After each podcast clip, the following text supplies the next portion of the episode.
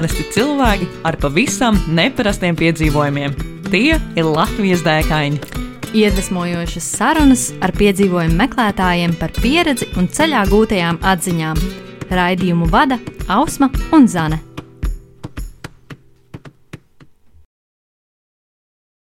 Esiet sveicināti Latvijas dēkaņu 59. epizodē. Ar jums kopā Zane Ausma un viena burvīga viesņa Baiva Runce. Čau, Baiva! Urā! Čau!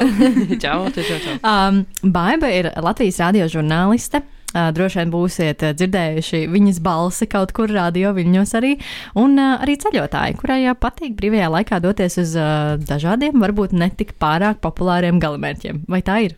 Tā noteikti ir, un es vēl piebildīšu, attiecinot uz Latviju, ka es varētu sevi nu, jau dēvēt par ezeru kolekcionāru. Jo es uh, esmu apgājusi apkārt jau Variņam ezeru, bet par to mēs droši vien parunāsim raidījuma. Noslēgumā, noslēgumā os, jā. otrajā daļā, jā, bet arī starp citu ārzemēs es arī esmu sākusi iet apkārt ezeram. Tā ir tāda tava lieta, ja tu tā kā Jā. aizbrauc uz kaut kādu valsti un, Un ok, okay. vismaz vienam ezeram man ir apkārt jāpiet. Jā, tad tā tiešām izklausās kaut kāda. viena krāja magnētiņus, citi pastkartes, un tu krāji ezerus. Ļoti labi, ļoti labi. Tas vismaz ir interesanti. Nu, tā Jā. kā var palielīties. Nu, tad uh, mūsu lielais jautājums, Ausmā, ir. Kas tad ir lielākais piedzīvojums, kurā tu līdz šim esi bijusi? Uh, man bija jāizvēlas starp uh, diviem piedzīvojumiem, un es izvēlējos stāstīt par to nesenāko, un kas noteikti, es domāju, varētu būt interesantāks arī jums pašām, ko dzirdēt. Bet es tomēr gribu pirms tam vēl nedaudz to pirmo piebilst, jo es domāju, ka tā varētu būt, ka bija man lielākā dēka. Uh, tas bija pilnīgi spontāns uh, brauciens uh, uz Āfriku, lai kāptu Ziemeļāfrikas augstākajā virsotnē Tupklā. Un tas bija pirms desmit gadiem, kad man nebija pārgājienu pieredze itin nekādas, un uh, es to vēlos pieminēt uh, šajā raidījumā, jo es domāju, ka tas varētu iedvesmot iespējams kādu, kurš sēž mājās un domā, mm, man tā gribētos uh, kāpt kalnā vai iet pārgājienā, bet man tur nav apavi, man nav bikses uh, atbilstošas, man nav jaka un nūjas. Un, uj, un ar ko tik mēs visi vēl apaugam? Tagad man ir arī vesels plaukts, kur ir tieši pārgājiena apģērbs. Bet tajā reizē man nebija nekā. Nu, es vienkārši metos- džinsos, ja tā kā. Es kāpu džinsu šortos, tiešām dži- džinsu šortos. Es Jā. tagad skatos, un, un es tagad pat nevarētu nevienā Latvijas desmit km pārgājienā ar džinsu šortiem aiziet, vai ne? Bet toreiz es kāpu džinsu šortos. Man bija soma, kuru es biju dabūjusi pa lielveikalā sakrātām uzlīmēm. O, jā, tās Un, tās arī bija labās. jā, jā, jā. Man, man bija vilnas zeķes, lai gan tagad man ir katram laikapstākļiem atbilstošs zeķu komplekts, vismaz viens vai divi. Bet man bija vilnas zeķes, un, uh, un es biju no draudzenes aizņēmusies kaut kādu jaciņu. Kas it kā aiztur vēju, vai kaut kas tamlīdzīgs. Bet par spīti tam visam es uzkāpu. Apaus gan es nopirku, apaus gan es nopirku. Uh, es uzkāpu tajā kalnā, un no tās reizes sākās uh, mana lielā mīlestība pret šādu veidu piedzīvojumiem. Tā kā klausītāji, tev un tici man, tev nevajag noģērbties no galvas līdz kājām, dārgos brendu apģērbos, lai tu kaut ko izdarītu. Tev no sākuma vajag vienkārši gribēt un braukt, un pēc tam ar laiku tu sev pielasīsi klāt to apģērbu, kā tas ir tagad man noticis, un man jau šķiet, ka ārprāts, ārprāts man vajag vēl nestik iespējamiem vējiem, bikses atbilstošas, garākas un Un īsākas. jau bišķiņa lietas, un Jā. ļoti daudz lietas. Jā, jā, jā, tieši. Maziņš vējiņš, bet varbūt arī ļoti liels vējiņš. Jo vēja un lietus jaka apvienotā, nu kam tas der Vai vispār? ne? Nē, taču vajag vai nu vējam, vai nu lietum. Tā gan man vēl ir ap, apvienotā. Bet par piedzīvojumu, ko es gribu pastāstīt vairāk, ir. Um, Kaut kas tāds, ko es tagad saprotu, ka es nezinu, vai es vēl kādreiz dzīvē kaut ko tādu vispār piedzīvošu. Um, mēs devāmies no Taģikistānas galvaspilsētas Dušanbē ar vietējiem šoferiem divos džipos uh, cauri pa Pamira lielceļu līdz uh, Ošai, Kirgistānā. Un uh, es jau toreiz atceros tās reakcijas no nezinu, no citiem cilvēkiem uzzinot par kaut ko tādu, jo burtiski es nedēļu kratīšos džipā par vienu no pasaules sliktākajiem ceļiem, kas principā ir arī viens no skaistākajiem pasaules ceļiem un ekskluzīvākajiem un unikālākajiem, bet tomēr tam cilvēkam parastajā, parastiem šķiet, kāpēc to kaut kas tāds vispār ir vajadzīgs. Vai te nepietiek Latvijas bedrē, vai tiešām Vai ne? Vai ne? Un es toreiz teicu, ka kad tad vēl, un tagad man ir tāds sajūta, ka tā tiešām bija tā īstā reize, kad kaut ko tādu izdarīt. Jo to es pat nezinu, vai tu pats vari saplānot. Es zinu, ka ir cilvēki, kas kaut ko tādu ir izdarījuši, ir motobraucēji, kas ir braukuši, bet uh, toreiz tā bija. Piedzīvojuma aģentūra Adventure Lab, kas rīko tādu braucienu, sveicienu Gatam un Antim, bet arī viņiem tas nav tāds kā standarta brauciens. uh, Arī viņiem tas bija diezgan tāds uh, nezināmais uh, brauciens, un tad mēs uh, visi tajā kopā metāmies. Un, uh, un tā pati Taģikistāna. Tieši tās vietas, kur mēs bijām, jo es sapratu, ka īstenībā Dušanbē jau ir tīri zināma pilsēta, un, un iespējams, ka vairāk cilvēki ir tur arī bijuši, un iespējams, ka tur ir arī kaut kādas turistiskas vietas, un iespējams, ka tur var dabūt pat leduskapju magnētiņu. piemēram. Bet, Ja nav tas kam Ja apiet nav apkārt. jā. Jā, bet uh, man tas bija vienīgais ceļojums, kur es neatvedu magnētiņu, mm. -hmm. jo mēs uzreiz no galvaspilsētas vienkārši četros naktī sakāpām tajos džipos un vienkārši pazudām uzreiz no galvaspilsētas. Un pazudām dziļi, dziļi laukos. Tāpēc man pat nav ne jausmas, kā izskatās tajā galvaspilsētā un vispār pilsētās lielajās. Bet tās vietas, kur bijām mēs, bija vienkārši tik kaut kādas unikālas. Un, uh, un jā, ka es, es ceru, ka cilvēki iedvesmosies un vēl kāds kādreiz izvēlēsies, ka kaut ko tādu varētu apskatīt. Ceļu. nedēļu. jā, bet ko lai es pastāstu vairāk, varbūt jūs.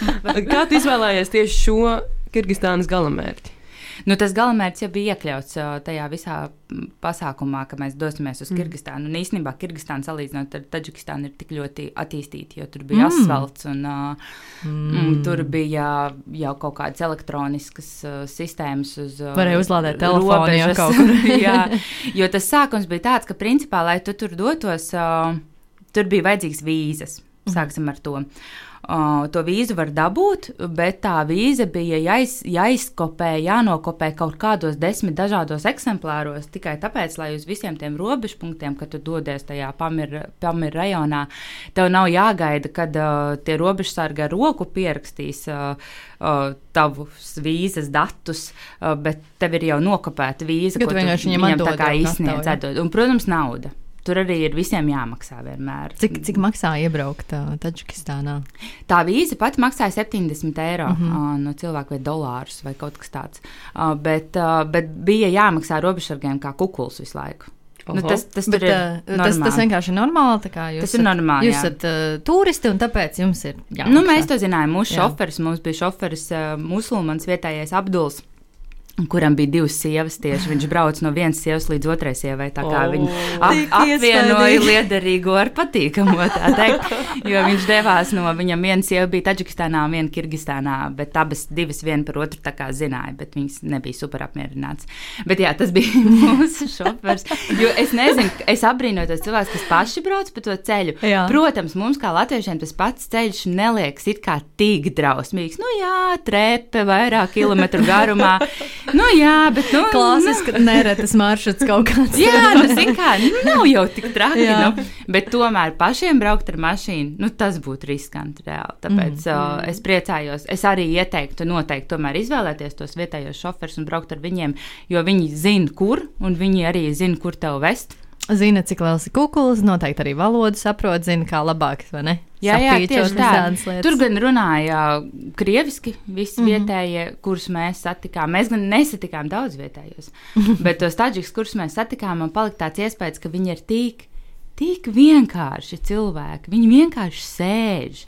Viņi, jo es pat nezinu īstenībā, ko viņam tur darīt. Jo tajos kalnu rajonos, kur mēs bijām, tur ziemā ir nu, nenormāli mīnusi, un tur ir mīnus 30, un viss ir aizslēgts, un nekas nenotiek. Un mēs jautājām, ko jūs te darat? Nu, neko sēžam. Gaidām. tā viņi man, tā viņi arī atbildēja, ka tā viņi te pasēž.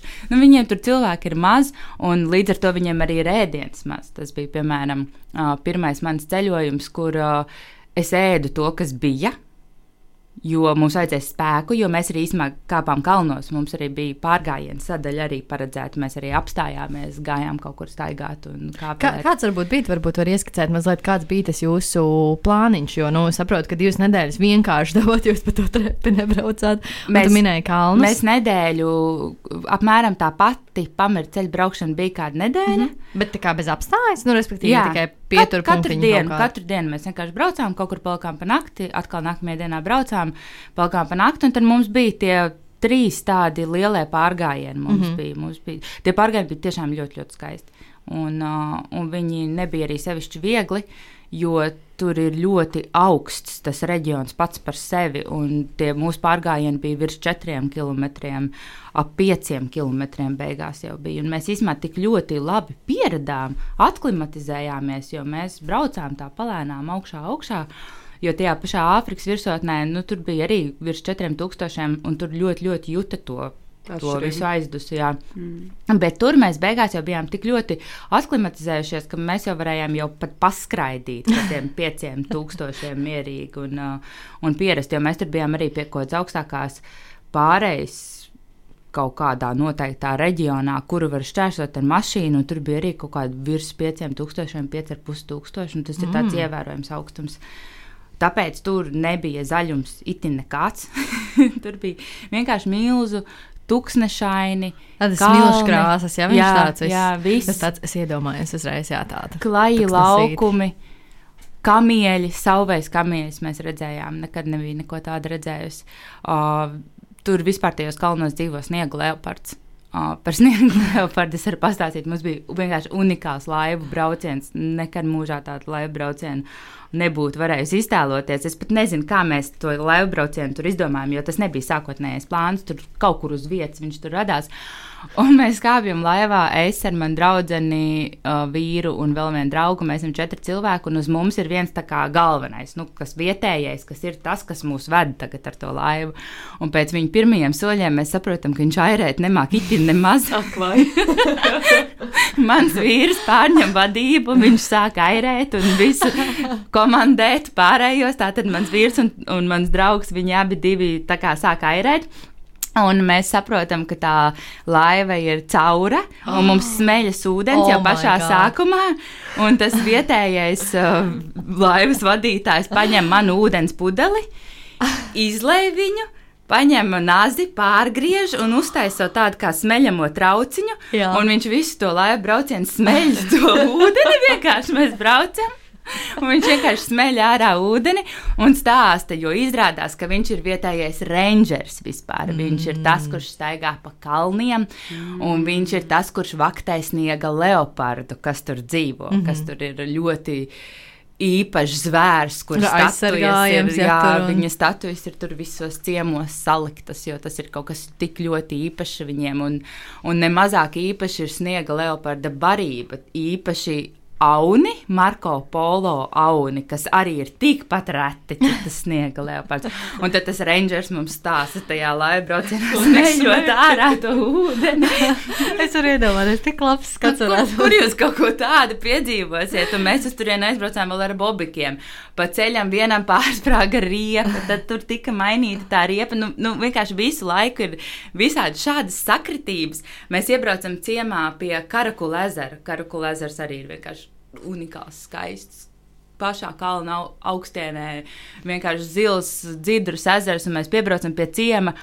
Un domājam, kur ir cilvēks, skan mūzika pa radio, pa visu ciemu. Vienkārši nav neviena cilvēka, ir kaut kādi bērni klejojošie, kas tev vienkārši nāk klāt, un viņi redz, viena meitene izvilk tā kā maisiņu ar konfektēm, un viņi tā kā mežoņi visi tur sagrāba visas tās konfekts un aizskrēja kaut kur tālāk. Mums liekas, ka tie bērni varbūt ir kaut kā nolaupījuši savus vecākus, un tad viņi saimnieko tajā visā ciemā. Tad tur staigā kaut kādi suņi, kas tev vienkārši pienāk klāt un nieko žikrā. Nu, Vienkārši tāpatās. Vienkārši tāpat. Un tu staigā pa to ciemu, un tu nesaproti, kas vispār šeit notiek, kur tā kā ir. Un tad tu atrod tā kā veikalu, protams, ka tas veikals ir ciet. Mm -hmm. Nu, neko pastāvēsim, pagaidīsim, jo parasti jau kāds uzrodas. Un jā, no pretējās mājas uzrodas viena sieviete, tur, nezinu, naktskraklā bez mazai rīta svārkos, atslēdz vaļā to veikalu, un tur nav tā, ka tu vari paņemt to, ko tu gribi. Tur mm -hmm. vispār nekur tā nebija. Tu dabū to, kas tur ir. Tu, teiksim, uh, bet tu taču vari pateikt, kā, nu, es gribu, piemēram, kaut ko saldu. Kaut ko saldu jā. Nē, nu, varbūt, jā, jo mēs gribējām padzerties. Ūdens viņai nebija, bet viņai bija alus. Un viņa to alu no tādas veco laiku sekcijas, brūnas, kaut kā no apakšas izvilka tos alus un noslaucīja ar tādu putekļu lupatu putekļus. un iedeva mums Pirmie turisti alus. vairāku gadu garumā. Bet tāda arī tiešām bija tā sajūta. Jā.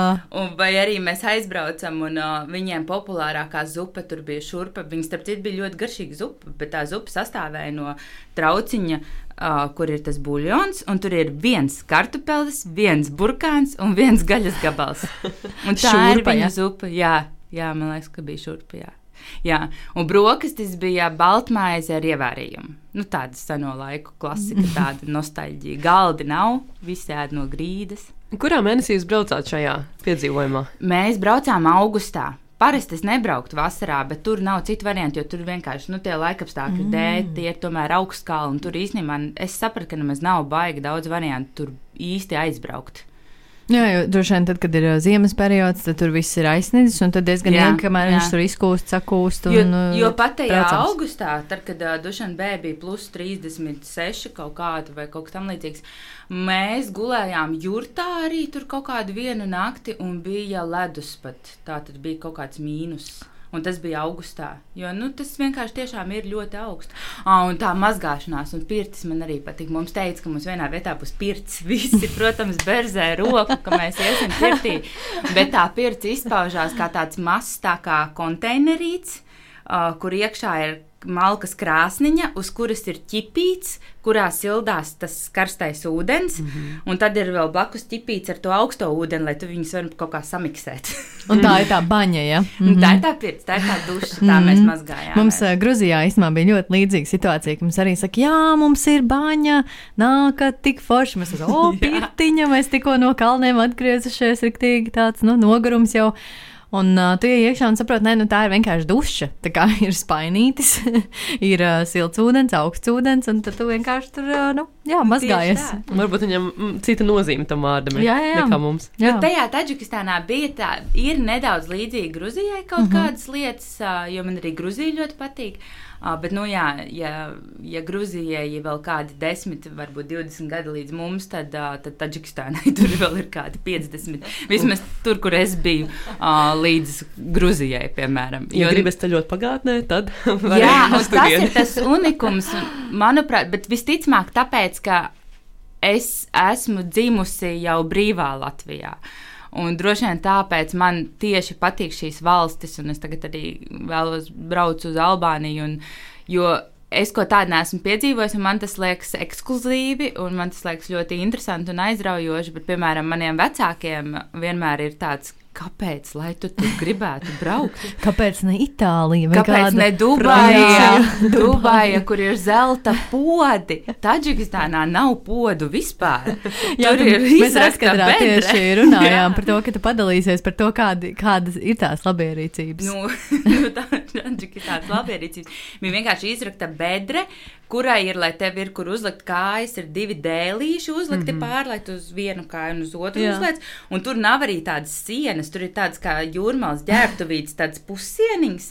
Nu, tu, nu, nu, tāda, tāda tā kā improvizēta siena tur ir uztaisīta. Un tā bija Taģikistānas tolete. Tāpēc tas noteikti nav ceļojums cilvēkiem, kuri mīl komfortu Bet mm. uh, jums podkāstā pārsvarā arī ir tādi ceļojumi, jā, paredzēti cilvēkiem, kas nemīl komfortu, un kādreiz jau var izlausties. Un to es arī iesaku, izlauzieties no tā, no tā komforta. Un ticiet man, jūs atbrauksiet daudz laimīgāk, novērtēsiet daudz labāk savu dzīvi. Jo es tajā laikā strādāju redzījumā Bestabū, kad es biju Taģikistānā. Un es atbraucu atpakaļ, man bija tik grūti strādāt, jo man tās visas sūdzības par Latviju likās tāds vienkārši murgs. Nu, nu, kāds, ceļš, Nesalīdzinoši. kāds jums ceļš slikts pie mājas? Inta vīlusies par ceļu stāvokli. es atvainojos, es tikko biju tur, kur Tur vispār nebija ceļš, kur vispār nebija tolete, kur bija kaut kāds caurums, kaut kur izrakts. Un, Jā. un, un iegūstot visu to pieredzi, tu vienkārši nu, notrulinies pret tām problēmām. Protams, ar laiku jau atkal atnāk atpakaļ, un tas ceļš liekas briesmīgs, un tā tolete, kurā no toaletes papīrs ir vienkārši neizturama. Bet uz kaut kādu brīdi, jā, noteikti var aizmirsties. Un, um, Kā, kā vispār tu minēji par tām temperatūras maiņām, par to, ka vienā vietā ir plus 36, un tad vienkārši ir uh, apsarmojušas, ja tur teltis un ir mīnusi. Uh, kā bija ar apģērbu? Vai tad jau tu biji kaut ko bišķiņ jau, jau savākusies un zināji, tā, tā zināšanas jau tev bija lielākas, un tu jau Jā, biji jā. paņēmis kaut ko tādu, Tomēr tā džinsa šorti. Džins šorti Nē, nē, nebija. ja? tas bija pirms trīs gadiem. Tad jau es jau Jā. biju, man jau visi komplekti jau bija jau iegādāti. Un, uh, nē, nu, protams, ka tu visu laiku esi plus mīnus vienā un tajā pašā apģērbā. Tas ir mm -hmm. loģiski, jo nu, tu paņem vienu. Apģērbu siltam laikam, vienu vēsākam laikam. Protams, tur ir jāņem vērā arī tas, ka tā ir tomēr musulmaņu zeme. Un tur nav pieklājīgi iet ar īsiem šortiem, lai arī ir karsts. Mēs īstenībā arī vienmēr ļoti respektējam visur, kur mēs dodamies. Mēs, mm, es neuzskatu, ka ir pareizi aizbraukt uz šādu zemi un tiešām staigāt kaut kādos īsos šortiņos un kaut kādos kroptopos. Un, jo tie cilvēki, kas tev skatās, viņi tev pievērš uzmanību. Un starp citu, mēs tur pat bijām kaut kādā lielajā termālajā kodā basēnā. Es neatceros, kas tas ir. Jo tās sievietes tur arī visu laiku staigā noģērbtas, mm -hmm. kad nu, mēs neredzam ne tām sievietēm īsti sejas. Nu, viņas nav tā kā pilnajā savā aizsaktajā, bet tomēr viņas nevar tik labi saskatīt. Un tur bija, ta- un mums visu laiku likās, ka tām sievietēm mēs nepatīkam. Nu, bija tāds sajūta, ka viņām mēs nepatīkam, jo mēs esam tā kā tomēr Eiropieši, tomēr saģērbušās mazliet kailāk. Mm -hmm. Ne tik kaili, bet mēs tomēr bijām kailāk saģērbušās. Un tad mēs devāmies uz tādu kaut kādu lielo termālo basēnu, kur tieši bija sadalīta sieviešu zona, vīriešu zona. Un tad tur mēs satikām visas tās sievietes bez tiem visiem tērpiem, mm -hmm. jo visi bijām kaili.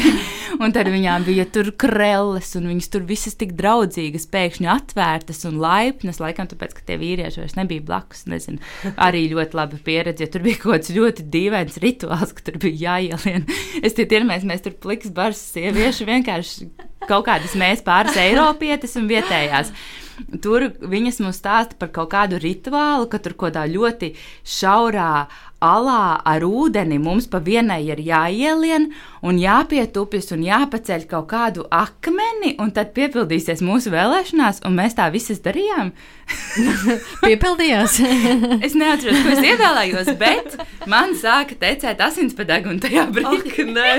jo tāpēc, ka tur ir augsti kalni, un man īstenībā diezgan daudz tur tecēja asinspadegu, un es tagad to atceros. Un, un tad mani pliku asiņainu, visas tās sievietes ceļ ārā no tās, no tās alas. Ak, nē. Tu tāds vienkārši, ārā, es šito biju pati jau aizmirsis, es vienkārši atceros, vēl, nu kaut ko tādu jūs nepiedzīvosiet Itālijā. Nu, tas Noteikti, vienkārši, tas, mēs pēc tam stāstījām puišiem par to rituālu, viņi vispār arī smējās par mums, bet tad viņi rādīja, kā viņiem tur arī bija gājis tajā savā zonā, arī visi tur pliki vietējie sāp fotografējušies, tur rokas apķērš, jo viņi Viņi ir super draudzīgi. Viņi uzskata mūs par savējiem, joprojām uh, viņiem.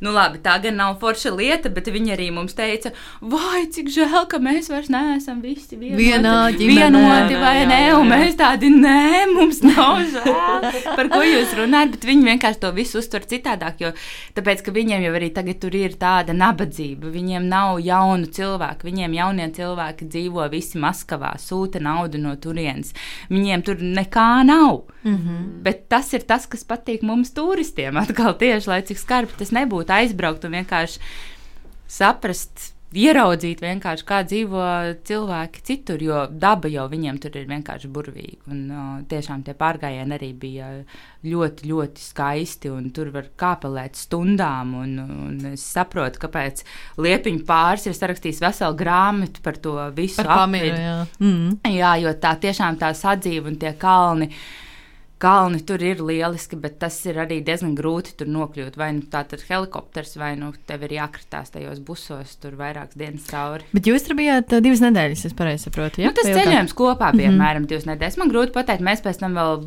mazliet uh, pabijām uh, Kirgistānā, nu, kas tiešām jau bija uzreiz jau. Es labprāt aizbrauktu kaut kad vēlreiz uz Kirgistānu tieši pa kalniem padzīvotos, jo mēs bijām Kirgistānas pilsētās, kas bija tādas tiešām jau baigi attīstītās. Tāpat tās bija ļoti forši un interesanti, bet, uh, bet jā, tā bija pavisam cita sajūta. Taģikistāna ir tāda, tāda, tāda pavisam, pavisam ekskluzīva un unikāla. Nu, tad uh, mazliet no tās praktiskās puses pieskaroties uh, par finansēm divas nedēļas, šāds gala mēģis, un, ja kāds klausītājs ir nolēmis, ok, šis, šis varētu būt kas tāds, kur, kur es arī vēlos piedalīties, ar ko būtu jārēķinās apmēram? Nu, rēķin, nu, principā ir jārēķinās jau tikai ar to lidojumu un ar to transportu. Vai nu tu tur brauc pats kaut kā.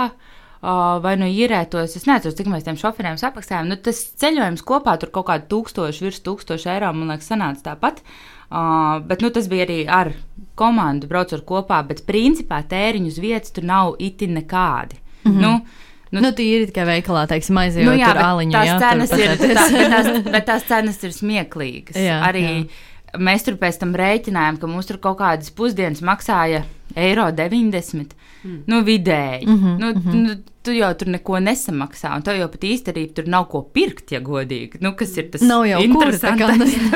tev nav magnētiņu, kur. nav. Jā, tev nav kur, un īsti nav ko. Tu nevari nopirkt magnētiņus, tu tur neko jau īsti arī nevar nopirkt.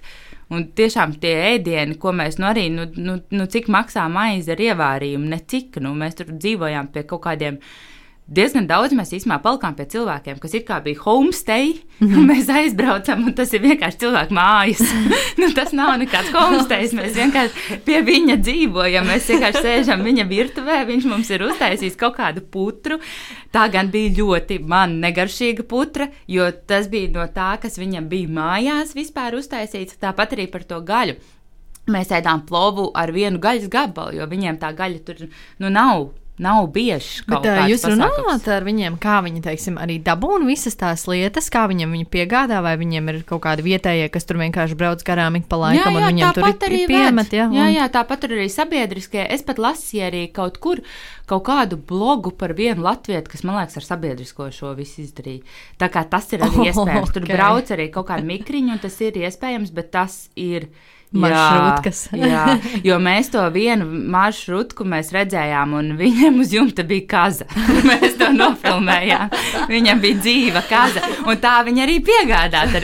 Es domāju, ka tie paši, tie paši mikriņa vadītāji arī ved.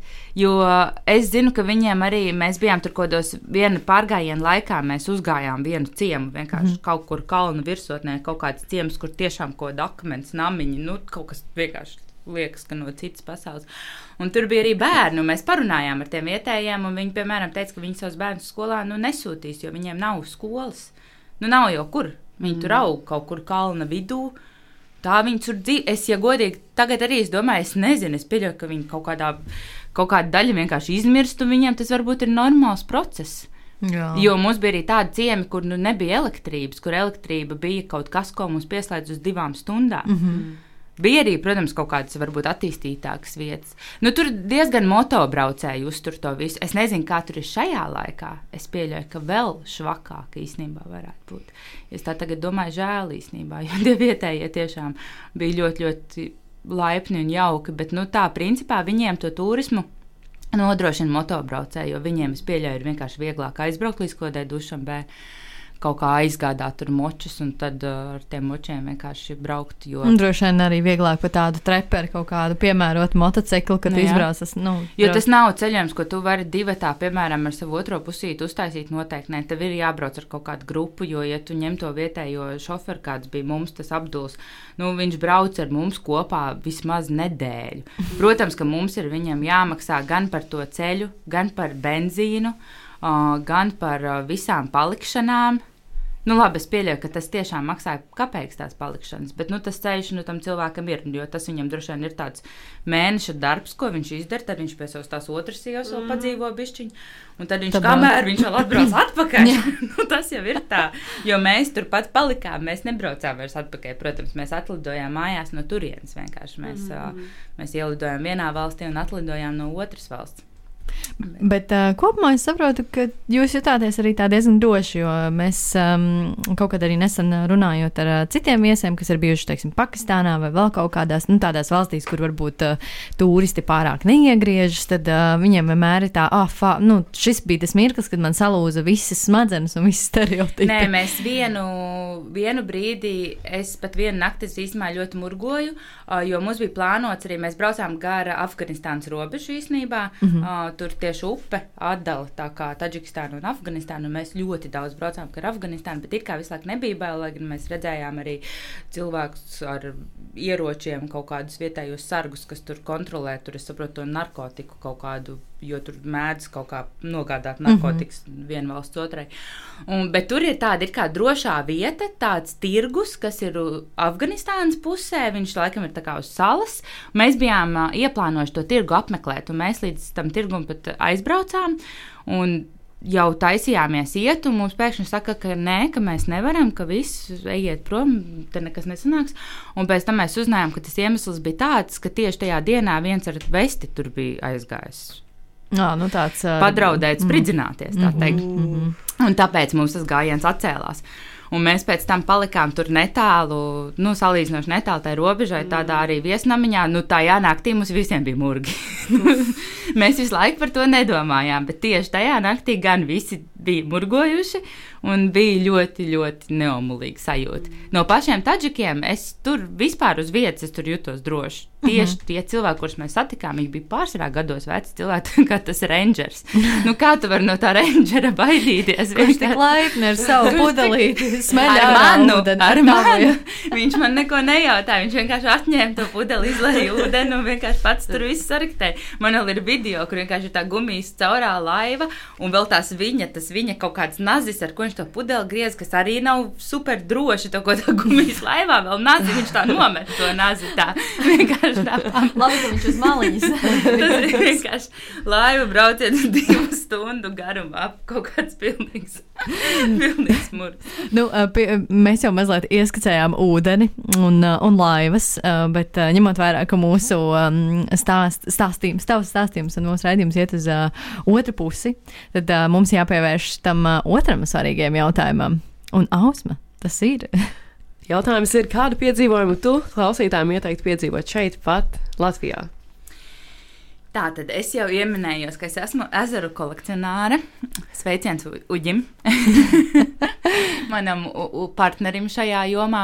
Uh, mēs agrāk, mēs vispār esam Latvijā diezgan daudz gājusi pārgājienos, un, protams, sākot ar visām zināmajām takām, un tad jau sākot meklēt kaut kādus variantus, kur vēl doties. Tad mēs mūsu pārgājienu kompāniju sākām iet apkārt uh, no sākuma mazākajiem Latvijas ezeriem.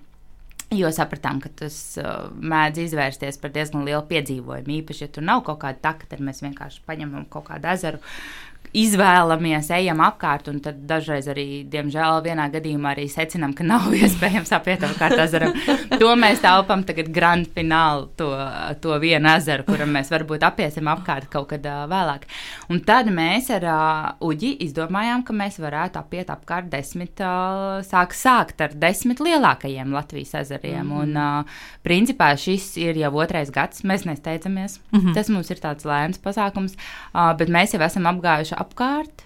Septiņiem vai astoņiem, astoņiem mm. laikam ir palicis tikai Lubānas ezers un Anguras ezers. Jā, tie ir tādi diezgan lieli, man liekas. Tie ir lielāki, vieni jā. no liela, nu, Lubānas, jā, tu, tāpēc, ka tur vajag trīs dienas, tāpēc mēs viņu arī pietaupīsim, jo mēs dažus ejam. Uh, divās dienās, dažas trijās dienās. Babītes ezeram mēs vienkārši ar uģi bru, brutāli divu tā vienas dienas laikā vienkārši nomaucām apkārt, jo tas nebija super interesanti. Un tas vienkārši bija jāizdara. Plus vēl mēs gaidījām, kad viss ir aizsalis, jo tur ir baigie kanāli, un ja tu vasarā ietu un nepeldētu, tad tas būtu ļoti, ļoti ilgi. Tāpat mēs gājām kopā kaut kādus 40 km vienkārši pa ziemu, kaut kādu trako salu. Brutāli, vienkārši tādā Tas izklausās brutāli. Tas bija brutāli. Tur mums arī neviens draugs nepievienojās. Jo citur mums, pievien... Citur mums pievienojas draugi, tur mēs uzrakstījām. Visiem bija tāds nepaldies. Starp citu, runājot par iešanu apkārt ezeriem, kā jums bija vai nebija tā, ka um, kaut kur ir kāda sēta priekšā, vai ir kāds vietējais, Oi, kas bija, tur bija, saka, bija, bija. Nē, nē, tas ir mans Tas- īpašums. Mēs sākām ar Burtnieku ezeru, jo mums šķita, ka Burtnieku ezers ir tepat netālu, un tas ir viens no kaut kādiem, tas bija kaut kāds arī lielākais, mm. -hmm. piektais, vai es neatceros, trešais vai kāds. Un mēs sākām ar Burtnieku ezeru, un mēs baigi no sākuma optimistiski, jo kā tu iedomājies, iet apkārt ezeram, tu iedomājies, ka pēc, tev pēc tam tajā kartē būs tāds smuki, ka tu apkārt pašam ūdentiņam būs Nu jā, smuki apgājis. Jā, jā, mēs tā arī sākām. Bet tā nevar. Protams, tur kājas bija slapjas, vienkārši ārprāts. Mēs tur pa kaut kādiem brikšņiem bridām, tad caur kaut kādām privātmājām, rejošiem suņiem, kaut kur bēgām no tiem suņiem. Sapratām, ka nebūs. vienkārši vai nu mēs iesim ilgi, jo mēs gājām divus kilometrus un bija pagājuši jau kaut kādas divas stundas, apmēram mēs nekur nebijām vispār tikuši. Un uh, tad mēs sapratām, ka nē, ka tā tomēr ezeriem apkārt nevar iet, ka ir diezgan daudz arī jāiet apkārt pa kaut kādiem ceļiem, ka tu pat neredzi pašu ezeru. Mm. Man, kad viena draudzene pirmo reizi nāca ar mums kopā arī kaut kādam ezeram apkārt, viņa bija tik vīlusies, ka tik maz ezeru viņa redzēja, viņa bija domājusi, ka mēs iesim tā kā reāli apkārt ezeram. Un tad pēc tā pirmā ezera gājiena mēs vēl secinājām, ka mēs turpmāk darījām tā, ka mēs neko neplānojām. Mēs mašīnu atstājām pilsētā un vienkārši gājām kaut kur apkārt. Ka īstenībā tu vari ļoti labi izplānot. Tu vari izplānot tā, lai tev ir uz to pirmo nakti, kur tu tur kaut kur apmēram paliec. Tieši, piemēram, kilometru apmēram pirms tu tur plāno palikt, ir kaut kāds vietējais veikaliņš, kur tu vari uzpildīties, nopirkt kaut ko. Lai tev- Salčuku. Lai tev nav viss jānes līdzi kaut vai ūdenī, mm. -hmm. vakariņas. Un, un tā mēs esam vienkārši apauguši un arvien gudrāk šajā visā jautājumā, jau iepriekš par kādreiz sarunājot, kur atstāt mašīnu, lai mēs droši varam kaut kādā kempingā vienkārši, vai mēs varam pie jums atstāt mašīnu uz divām dienām. Kurš būtu pirmais ezers, ar kuru būtu jāsāk klausītājiem? Tagad es teikšu, ka Rāznas ezeru, kuru mēs apgājām tikai tagad, īstenībā apkārt, un mēs bijām ļoti patīkami pārsteigti, cik viegls, patīkams ezers tas ir, jo tur tiešām tur redz ezeru. Tur iet oh. ceļš gar pašu ezeru. Latgalieši droši vien tādi Un, draudzīgāki. jā, arī draudzīgie latgalieši mēs atstājām mašīnu pie baznīciņas, kur mums izveda ekskursijā pa to baznīcu, esot mazākā Latvijas baznīca. Un, uh, un ciemos vēl parunājām ar vietējiem iedzīvotājiem. Tiešām ļoti, ļoti patīkams gājiens, bija labs ceļš. Tiešām ir ceļš, jo mēs esam brīduši arī pa pilnīgiem neceļiem. Tur tiešām ir arī ceļš, ir arī daudz kempingi. Tie, kas negrib gulēt kaut kur, mēs gulējām kaut kādā pamestā kempinga teritorijā, kaut kur, kur bija mazliet spocīgi arī vispār. Bet tie, kas grib palikt arī tā, tā zolīdāk, var arī mierīgi par kempingu sarunāt un pat nestiept telti. Un īsnībā var arī pat palikt kempinga mājā, ja grib, un var apiet apkārt. Un Rāznas ezeram var mierīgi apiet divās dienās apkārt. Tie bija kaut kādi nepilni 40 km, kas tas ir vai ne dienā 20 km noiet. Īpaši labs ceļš. Nav tā kā pa babītas ezeru 40 ziemā tev ir jānosoļo. Tāpēc, jā, es iesaku Rāznas ezers, man ļoti patika. Tad man ļoti patika Latgale Drīdzis un Sīvers. Mēs vienādi apvienojām šos te abus ezerus. Tur man vēl ļoti gājiens kā gājiens patika. Un tad, vēl, protams, es ieteiktu to pašu burtnieku ezeru tīri, tāpēc, ka viņš iespējams ir vienkārši vistuvāk Rīgai. Mm -hmm. Un apkārt uh, tam iet veloceļš. Ja jūs nejūtaties pārliecināti, negribat riskēt un brist, ejiet pa veloceļu, jo mēs tā arī beigās darījām. Un apkārt Usmas ezeram mēs arī, piemēram, beigās vienkārši nogājām pa veloceļu. Hmm. Ļoti Jo labi. tas ir ērti un droši, bet var arī, protams, uh, pajautrināt situāciju. Rušonam apkārt mēs arī kaut kur beigās. Man bija līdzi vīrs, kurš, bija, kurš vienkārši viņam bija katrs kilometrs no svara. Un, ja bija iespēja ietaupīt pāris kilometrus, tad viņš teica, ka ietaupīsim. Un tur gan mēs bridām kaut kādam up, upju veidīgam grāvim pāri, bet nu, bija ziema, un mēs tur līdz viduklim apmēram kaut kur vēl bridām cauri. tā O, kā- nu tad jau nav tik traki. Izklausās ā, ļoti Var, uz, labi. var uztaisīt sev arī to pasākumu, padarīt jautrāku. Un, piemēram, apkārtam Rušānam mēs pēdējo dienu palikām kaut kādā viesu namā ar baļu un pirti. Un, un katrs var uz, pēc saviem ieskatiem šo piedzīvojumu vienkārši uztaisīt. Vai nu tu paliec komfortā, vai nu tu paliec pilnīgā nekomfortā, ej vienalga, kuros laikapstākļos un, uh, un baudi. Uz šīs pozitīvās nots, teiksim, tev, Baiba, liela paldies, ka tu atnāci pie mums un padalījies ar savu stāstu. Uh, cerams, uh, klausītāji, tu arī esi iedvesmots. Doties kādā kalnā, lai vai kāds ekipējums tev būtu vai nebūtu, Jā. vai apiet kādam ezeram, kas vai nu tepat, tepat pie mājas, vai kādā tālākā Latvijas nostūrī. Paldies, ka esi kopā ar mums. Novērtēsim, ja atbalstīsi to, ko mēs darām. Uztraucot, varbūt mums kādu krūzīti kafijas, baimie kafiju lapā, baimie kafiju.com, slīpsvīti Latvijas dēkaini. Un mēs ar jums tiekamies jau pēc divām nedēļām. Čau, čau! Tā! Atā! Ko tu parasti dari, kad dodies pārgājienā un tev reāli apnīk? Nu, es laikam sāku dungot. Pacu, pacu, pacu, pacu, pacu, pacu, pacu, nā, nā.